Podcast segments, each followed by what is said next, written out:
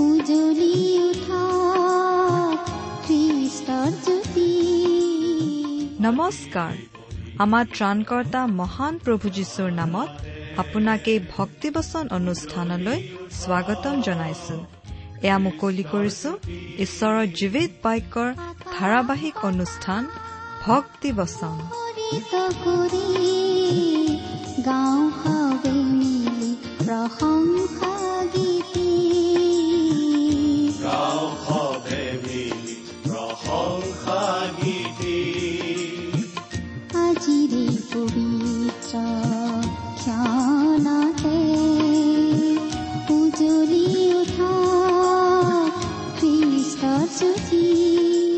আপোনাৰ জীৱনত যদি শান্তি পাব বিচাৰে তেন্তে এয়া ঈশ্বৰৰ বাক্যৰ সান্তনা বাক্য ভক্তি বচন। আমাৰ পৰম পবিত্ৰ প্ৰভু যীশুখ্ৰীষ্টৰ নামত নমস্কাৰ প্ৰিয় শ্ৰোতা।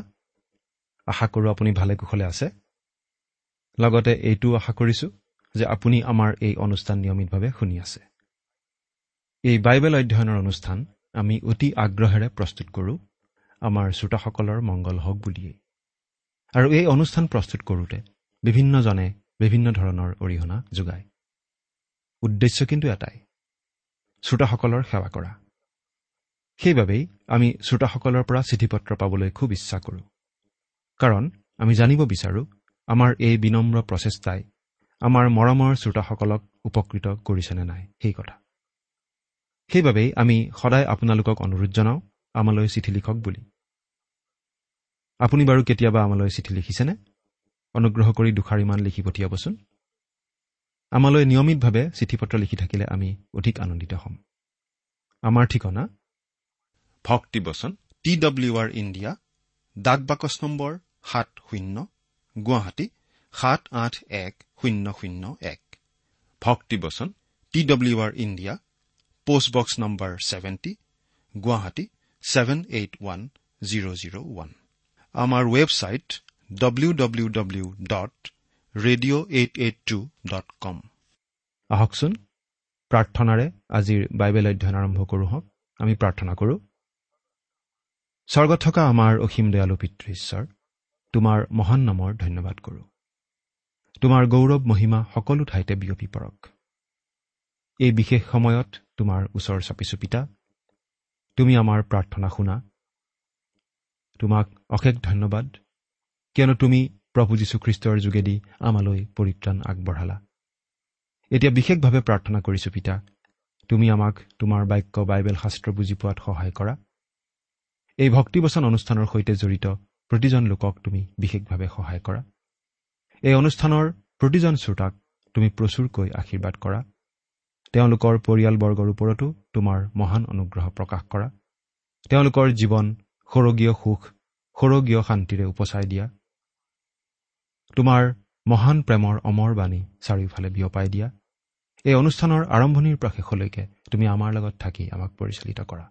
কিয়নো এই প্ৰাৰ্থনা আমাৰ পৰম পবিত্ৰ মৃত্যুঞ্জয় প্ৰভু যীশুৰ নামত আগবঢ়াইছো। আমেন।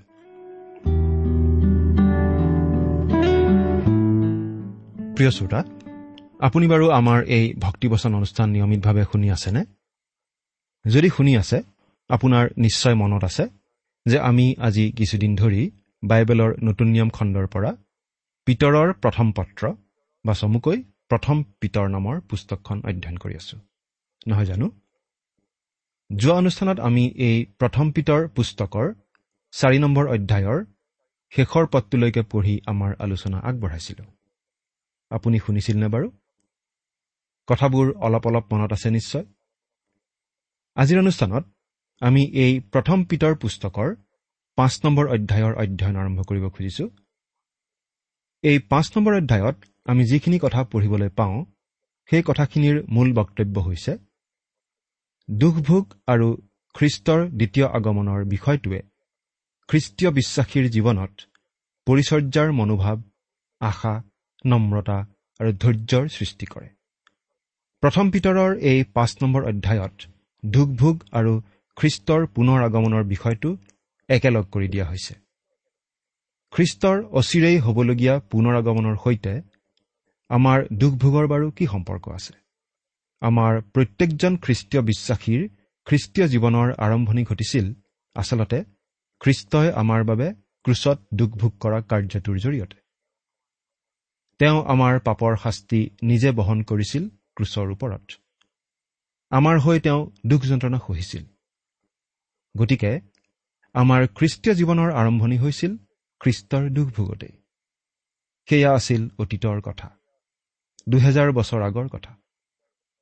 আজিও খ্ৰীষ্টীয় বিশ্বাসীৰ জীৱনতো নানা ধৰণৰ দুখ ভোগ থাকে কাৰণ ঈশ্বৰে আমাৰ জীৱনলৈ দুখ যন্ত্ৰণা আহিবলৈ দি আমাক অধিক সচেতন কৰিব খোজে আমাক তেওঁৰ মনৰ মতন খ্ৰীষ্টীয় বিশ্বাসী কৰি তুলিব খোজে যাতে আমাক তেওঁ তেওঁৰ কামত ব্যৱহাৰ কৰিব পাৰে। এই পাঁচ নম্বৰ অধ্যায়টো আমি দুটা প্ৰধান ভাগত ভগাব পাৰোঁ। একৰ পৰা চাৰি নম্বৰ পদলৈ আমি এটা কথা বুজি পাওঁ যে দুখভোগে আমাৰ জীৱনত সেৱাৰ মনোবৃত্তি আৰু আশাৰ জন্ম দিয়ে।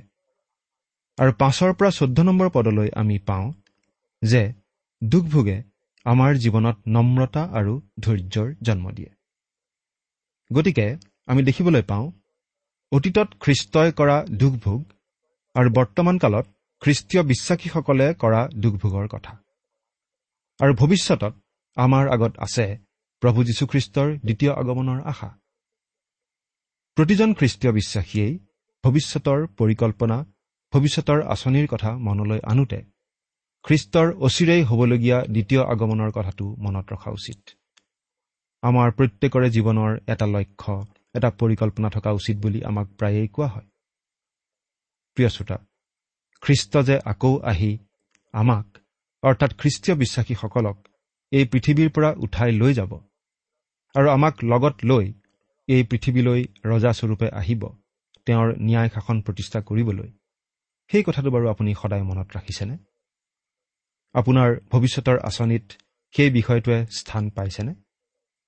নে এই বিষয়টো আপুনি চিন্তাই নকৰে আৰু এই বিষয়ে আপুনি নিশ্চিত নহয়? প্ৰভু যীশুৰ দ্বিতীয় আগমনৰ বিষয়টো এটা তত্বমাত্ৰ বুলি ভাবিলে ভুল কৰা হ'ব। এইটো আমাৰ জীৱনত ওতঃপ্ৰোতভাৱে জড়িত হৈ পৰিবলগীয়া কথা।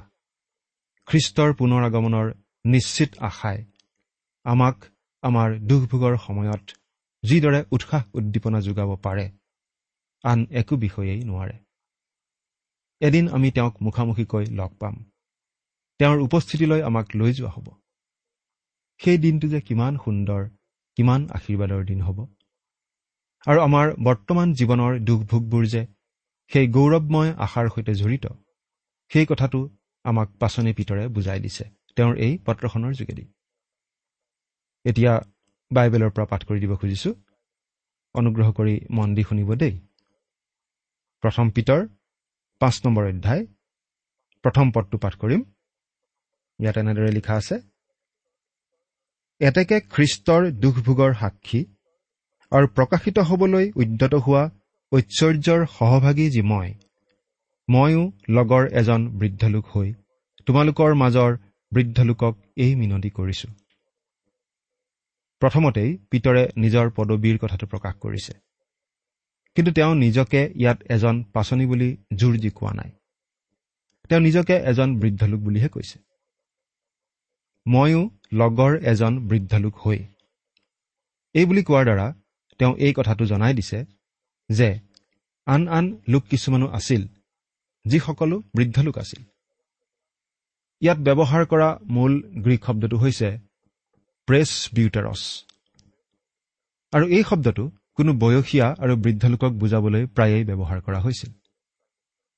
যিটো গ্ৰীক শব্দৰ ইংৰাজী প্ৰতিশব্দ বিশ্বপ এই গ্ৰীক শব্দটো হৈছে এপিস্কপছ। আৰু ই মানুহজনৰ পদবীটোকহে বুজায়। মানুহজনক নুবুজায়। এইটো হৈছে মেৰৰ প্ৰতিপালন কৰা আত্মিক পদবী। মেৰ ৰখীয়া বুজাবলৈও একেই শব্দ ব্যৱহাৰ কৰা হৈছে। পিতৰে নিজকো আচলতে এই বুলিয়েই ক'বলৈ ভাল পাইছিল। বৃদ্ধ লোকসকলৰ মাজৰ এজন বুলি। তেওঁ খ্ৰীষ্টীয় বিশ্বাসী ভাইসকলৰ মাজত নিজকে বৰ বুলি দাবী কৰি ফুৰা নাছিল। কিন্তু এজন বৃদ্ধ লোক হিচাপে তেওঁ তেওঁলোকক উদগনি বাণী অনুযোগৰ বাণী শুনাইছিল। খ্ৰীষ্টৰ দুখভোগৰ সাক্ষী। পিতৰে এই বিশেষ সুবিধাটো পাইছিল কাৰণ প্ৰভু যীশুৰ দুখভোগ তেওঁ নিজ চকুৰে চাবলৈ পাইছিল। আৰু প্ৰকাশিত হবলৈ উদ্যত হোৱা ঐশ্বৰ্যৰ সহভাগী যি মই সেই ঐশ্বৰ্য সেই মহিমা পিতৰে অতীতত দেখি আহিছে। এই কথাটো তেওঁ দ্বিতীয় পিতৰ পুস্তকত প্ৰকাশ কৰিছে। আৰু প্ৰভু যীশুৱে যে পৰ্বতৰ ওপৰত অন্য ৰূপ ধৰিছিল সেই স্বৰ্গীয় মহিমাময় ৰূপ পিতৰে নিজ চকুৰে দেখিছিল সেই কথাটোকে তেওঁ বুজাইছে। প্ৰভু যীশুক ক্ৰুচত মৃত্যুবৰণ কৰাও তেওঁ দেখা পাইছিল। আৰু তাৰ আগতে প্ৰভু যীশুৱে পৰ্বতৰ ওপৰত ঐশ্বৰিক মহিমাময় ৰূপ ধাৰণ কৰাও তেওঁ নিজ চকুৰে দেখিছিল। সেই পৰ্বতখন হয়তো উত্তৰে থকা কোনো এখন পৰ্বত আছিল। কিন্তু পৰ্বতখন কি আছিল সেইটো আমাৰ বাবে গুৰুত্বপূৰ্ণ কথা নহয়। সেই পৰ্বতৰ ওপৰত কি ঘটিছিল সেইটোহে গুৰুত্বপূৰ্ণ কথা। সেই স্বৰ্গীয় ঘটনা পিতৰ সাক্ষী আছিল। কিন্তু ভৱিষ্যতে তাতকৈও ঐশ্বৰ্যময় অৱস্থা এটা আহি আছে। সেই ঐশ্বৰ্য হৈছে প্ৰভু যীশুৰ প্ৰকাশিত হবলৈ উদ্যত হোৱা ঐশ্বৰ্য। সেই কথা পিতৰে নিশ্চিতভাৱে জানিছিল। আৰু সেই সকলো কথা তেওঁ দৃঢ়ভাৱে জনা বাবেই এই কথাবোৰ ক'ব পাৰিছিল। এতিয়া দুই নম্বৰ পদটো পাঠ কৰি দিছো। ইয়াত লিখা আছে তোমালোকৰ লগত ঈশ্বৰৰ যি জাক আছে তাক প্ৰতিপালন কৰা। আৱশ্যকতাৰ কাৰণে নহয় কিন্তু ইচ্ছাৰে ঈশ্বৰৰ দৰে কুচিত লাভৰ অৰ্থেও নহয় কিন্তু সন্তুষ্ট মনেৰে। পিতৰে ইয়াত এই কথাটো জনাই দিছে যে বৃদ্ধ লোকসকলৰ প্ৰধান দায়িত্ব হৈছে মণ্ডলীৰ লোকবিলাক অৰ্থাৎ খ্ৰীষ্টীয় বিশ্বাসীসকলৰ প্ৰতিপালন কৰা মেৰ ৰখীয়াৰ কাম কৰা।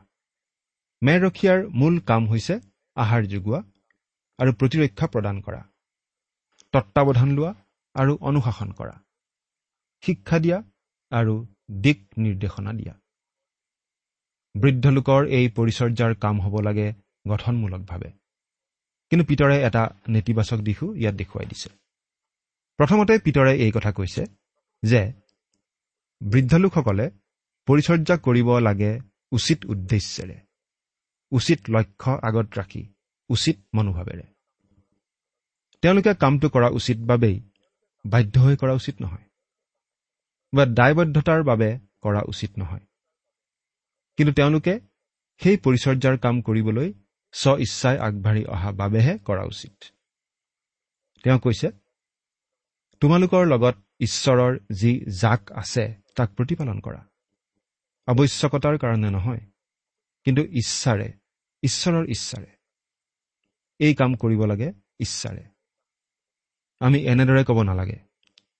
এই কামটো কৰিবলৈ যদি আপোনালোকে আন কোনো মানুহ বিচাৰি নাপালে তেনেহ'লে বাৰু ময়েই কৰিম উপায়টো নাই। প্ৰিয় শ্ৰোতা এনেকুৱা ভাৱেৰে আমি পৰিচৰ্যা কৰা উচিত নহয় কাৰণ ঈশ্বৰৰ সেৱা কৰাৰ এইটো গ্ৰহণযোগ্য কাৰণ হ'ব নোৱাৰে। যদিহে আমি বাধ্য হৈ ঈশ্বৰৰ সেৱা কৰোঁ তেন্তে তেনে সেৱাৰ কোনো মূল্য নাই।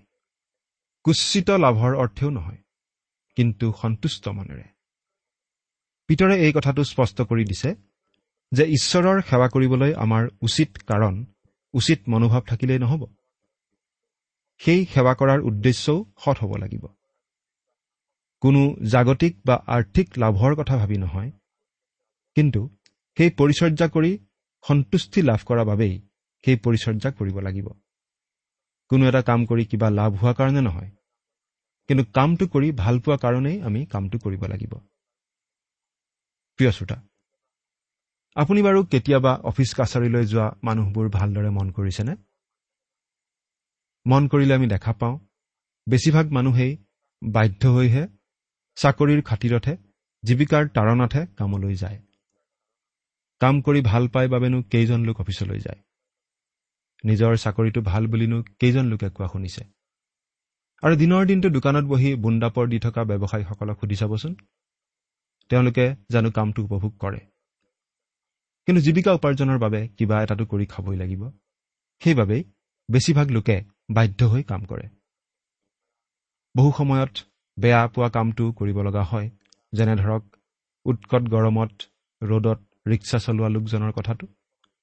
কিন্তু আমি যদি প্ৰভু যীশুৰ পৰিচৰ্যাৰ কামত লাগি থাকোঁ আমি সেই কাম বাধ্য হৈ নহয় কিন্তু মনৰ আনন্দত সন্তুষ্টিৰ ভাৱেৰে কৰিব পাৰোঁ। কাৰণ প্ৰভুৰ পৰিচৰ্যা আমি ভাল পাওঁ বাবেই কৰিব পাৰোঁ। কোনো আৰ্থিক লাভৰ বাবে নহয় কিন্তু সন্তুষ্টিৰ ভাৱেৰে কৰিব পাৰোঁ। আপোনালোকৰ আগত কথা কৈ থকা এই অধমেও ক'ব পাৰোঁ যে প্ৰভুৰ বাক্য বিলাই এই অধমেও ভাল পাওঁ। আৰু পাচনি পিতৰে কৈছে আমি ভাল পাওঁ বাবেহে প্ৰভু যীশুৰ পৰিচৰ্যাত লাগি থকা উচিত। তিনি নম্বৰ পদটো পঢ়ি দিছো। আৰু তোমালোকৰ নিৰূপিত অধিকাৰৰ ওপৰত প্ৰভুত্ব নকৰি জাকৰ আৰ্হি হৈ তাৰ তত্বাৱধান কৰা। অৰ্থাৎ বৃদ্ধ লোকসকলে তেওঁলোকৰ পৰিচৰ্যা কৰা উচিত উপযুক্ত ব্যৱহাৰেৰে। আনক খেদি ঠেলি নহয়। কিন্তু নিজে নেতৃত্ব দি আগভাগ গ্ৰহণ কৰি আনৰ ওপৰত নেতাগিৰি খটুৱাই নহয় কিন্তু নিজে আদৰ্শ দেখুৱায়। অৰ্থাৎ প্ৰভুৰ পৰিচৰ্যা এনেকুৱা এটা কাম যি কামত বৃদ্ধ লোকজন আন লোকসকলৰ বাবে আৰ্হিস্বৰূপ হ'ব লাগে। যিটো কাম আমি নিজেই নকৰোঁ। সেই কাম বাৰু আমি আনক কৰিবলৈ পৰামৰ্শ দিয়াৰ কিবা অৰ্থ আছেনে? সমাজৰ আগত আমি তেনেকুৱা শিক্ষাই দিয়া উচিত যি শিক্ষা আমিও আমাৰ জীৱনত মানি চলোঁ। এই কথাটো প্ৰতিজন লোকেই মনত ৰখা উচিত। চাৰি নম্বৰ পদটো পঢ়ি দিছো। তাতে প্ৰধান ৰক্ষক প্ৰকাশিত হোৱা কালত তোমালোকে ঐশ্বৰ্যৰূপ অম্লান কিৰিটি পাবা।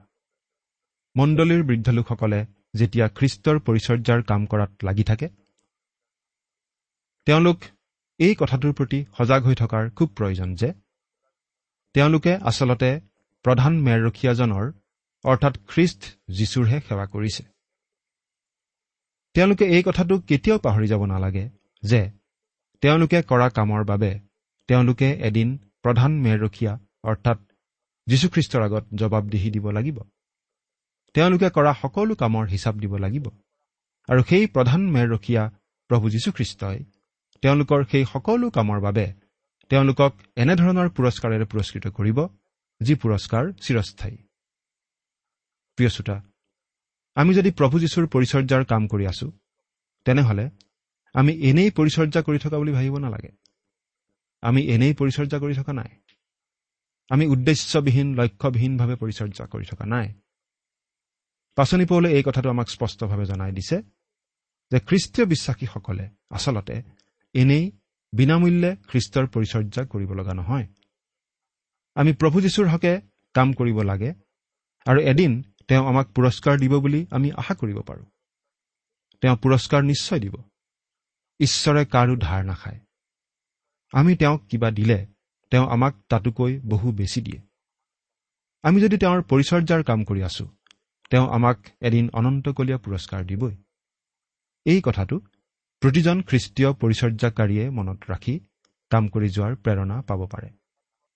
তাতে প্ৰধান ৰক্ষক প্ৰকাশিত হোৱা কালত। প্ৰধান ৰক্ষক মানে প্ৰভু যীশুখ্ৰীষ্ট। বৃদ্ধসকলৰ দায়িত্ব মণ্ডলীৰ লোকসকলক প্ৰতিপালন কৰা। অৰ্থাৎ বৃদ্ধসকল একো একোজন ৰক্ষক মেৰৰখীয়া কিন্তু প্ৰভু যীশুখ্ৰীষ্ট হৈছে প্ৰধান ৰক্ষক প্ৰধান মেৰৰখীয়া তেওঁ সকলোৰে ওপৰত। প্ৰভু যীশুৱে নিজকে মেৰৰখীয়া বুলি কৈছিল। তেওঁ নিজক সজ মেৰৰখীয়া বুলি কৈছিল। দৰমহা খোৱা মেৰৰখীয়া নহয়। কিন্তু প্ৰভু যীশুৱে নিজৰ বিষয়ে কি বুলি কৈছিল? তেওঁ নিজৰ মেৰবোৰক ভাল পোৱা নিজৰ মেৰবোৰৰ কাৰণে নিজৰ প্ৰাণ পৰ্যন্ত দিবলৈ সাজু থকা মেৰ ৰখীয়া বুলিহে কৈছিল। তেওঁ নিজকে তেনেকুৱা এজন ৰখীয়া বুলি কৈছিল। তেওঁ নিজৰ বিষয়ে কি কৈছিল? সেই কথা আমি আকৌ এবাৰ মনত পেলাওঁ আহকচোন। তেওঁ কি কৈছিল? সেই বিষয়ে আমি বাইবেলত এনেদৰে পঢ়িবলৈ পাওঁ। পাঠ কৰি দিছো। ইয়াত এনেদৰে লিখা আছে ময়েই মেৰৰ সহজৰখীয়া সহজৰখীয়াই মেৰৰ নিমিত্তে নিজৰ প্ৰাণকো দিয়ে। কিন্তু যিজন ৰখীয়া নহয় অৰ্থাৎ যাৰ নিজৰ মেৰ নহয়। এনে দৰমহা খুৱাই ৰাং কুকুৰ অহা দেখিলে মেৰবিলাকক এৰি পলাই যায়। তাতে ৰাং কুকুৰে সিহঁতক ধৰি ধৰি ছিন্ন ভিন্ন কৰে। কিয়নো সি দৰমহা খোৱা হৈ মেৰলৈ একো চিন্তা নকৰে। ময়েই মেৰৰ সজৰখীয়া। পিতৃয়ে মোক যেনেকৈ জানে আৰু ময়ো পিতৃক জানো তেনেকৈ মই নিজৰ সকলোকে জানো। মোৰ নিজৰ সকলোৱেও মোক জানে। আৰু মেৰৰ নিমিত্তে মোৰ প্ৰাণকো দিওঁ। এয়া আমি পাঠ কৰি দিলো। জোহনে লিখা শুভবাৰ্তা দহ নম্বৰ অধ্যায়ৰ এঘাৰ নম্বৰ পদৰ পৰা একেবাৰে পোন্ধৰ নম্বৰ পদলৈকে। এয়া প্ৰভু যীশুৱে নিজৰ বিষয়ে কোৱা কথা। অৰ্থাৎ প্ৰভু যীশুৱে এই বুলি কৈছে যে তেওঁ মেৰৰ সজৰখীয়া। এইকাৰণেই সজৰখীয়া যে তেওঁ মেৰবিলাকক ৰক্ষা কৰিবলৈ মেৰবিলাকক বিপদৰ পৰা বচাবলৈ মেৰবিলাকৰ কাৰণে নিজৰ প্ৰাণ পৰ্যন্ত দিবলৈ অনবৰতেই সাজু। আৰু প্ৰভু যীশুৱে এই কথা কেৱল এনেই মুখেৰে কোৱা নাছিল। তেওঁ কাৰ্যৰ যোগেদি তেওঁ যে সঁচাকৈ মেৰৰ সজৰখীয়া সেই কথা প্ৰমাণ কৰি থৈ গ'ল। কেনেকৈ বাৰু?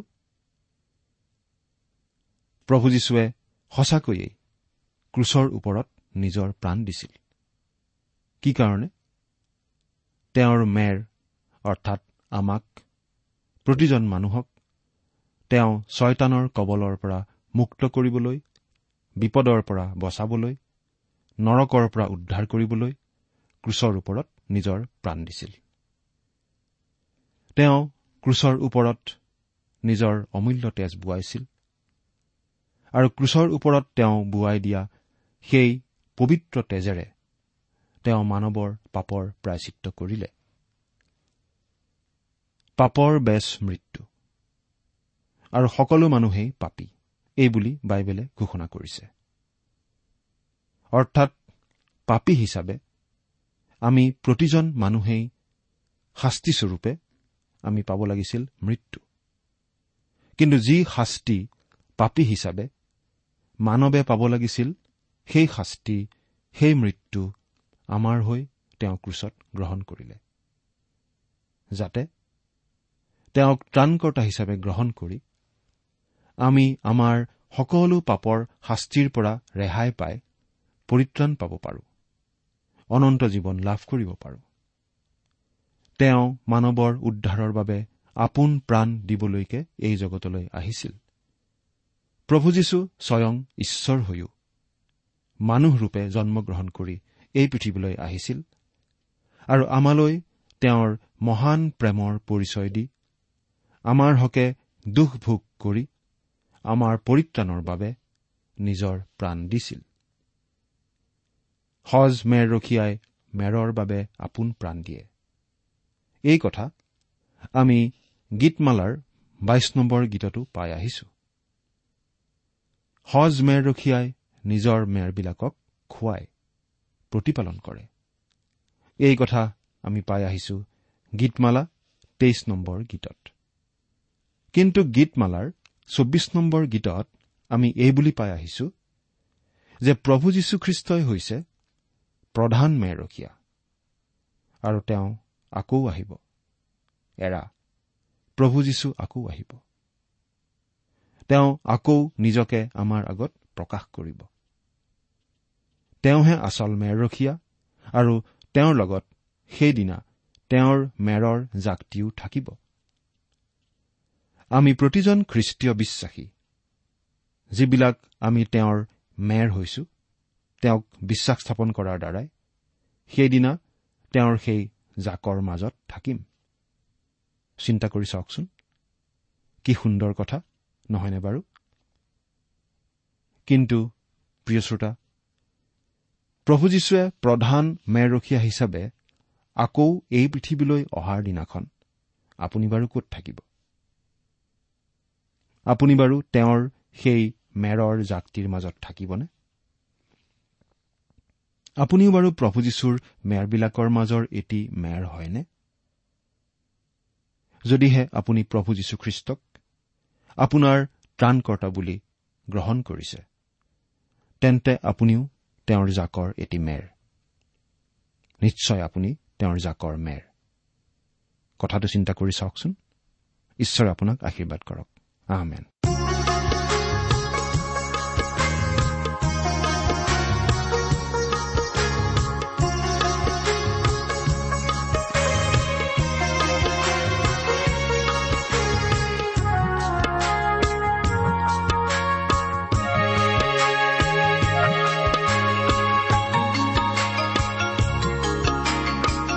কোৱাচোন তোমাৰ দুখৰ কাহিনী যিছু দিবৰি হিয়া পূজাৰী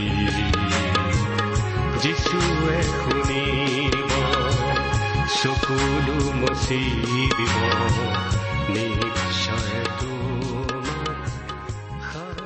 ইমান পৰে আপুনি ভক্তিবচন অনুষ্ঠানটি শুনিলে। অনুষ্ঠানটি শুনি কেনে পালে আমালৈ চিঠি লিখি জনাবচোন? অনুষ্ঠানত প্ৰচাৰ কৰা কোনো কথা বুজিব লগা থাকিলেও আমালৈ লিখক। আমাৰ ঠিকনা ভক্তিবচন টি ডাব্লিউ আৰ ইণ্ডিয়া ডাক বাকচ নম্বৰ সাত শূন্য গুৱাহাটী সাত আঠ এক শূন্য শূন্য এক। ঠিকনাটো আৰু এবাৰ কৈছো ভক্তিবচন টি ডাব্লিউ আৰ ইণ্ডিয়া ডাক বাকচ নম্বৰ সাত শূন্য গুৱাহাটী সাত আঠ এক। শূন্য শূন্য এক আপুনি ইমেইল যোগেৰেও আমাৰ সৈতে যোগাযোগ কৰিব পাৰে। আমাৰ ইমেইল আইডিটো হৈছে Assamese T TV at radio' eight eight two dot com আইডিটো আকৌ এবাৰ কৈছো। Assamese T TV at radio' eight eight two dot com আপুনি টেলিফোনৰ মাধ্যমেৰেও আমাক যোগাযোগ কৰিব পাৰে। আমাৰ টেলিফোন নম্বৰটো হৈছে শূন্য তিনি ছয় এক দুই ছয় শূন্য চাৰি ছয় সাত এক।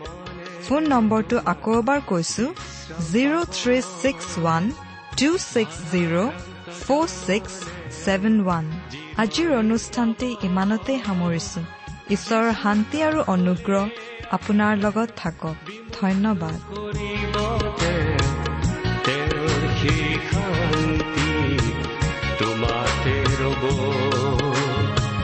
যিচুৰ কাষলে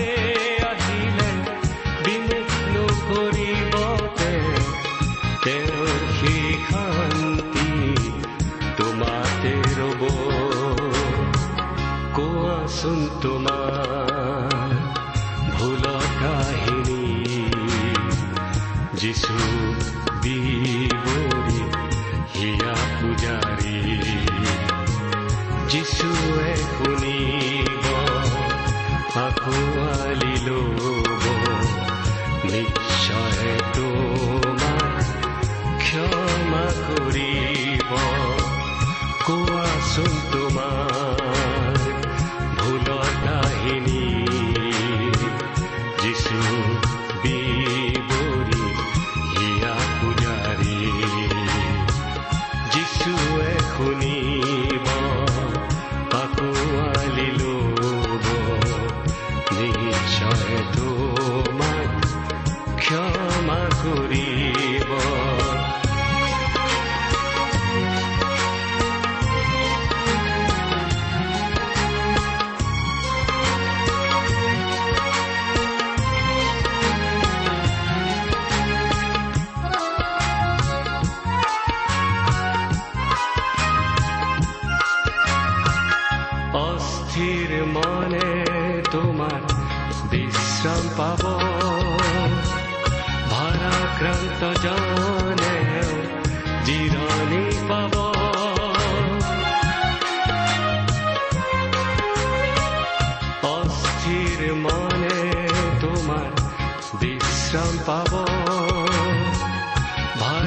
ভাৰাক্ৰান্ত জনে জিৰণি পাব পুৰণি জীৱন এৰিলে যিচুৰ চৰণত সপিলে তোমাৰ জীৱন আকৌ নতুন হ'ব পুৰণি জীৱন এৰিলে যিচুৰ চৰণত সপিলে তোমাৰ জীৱন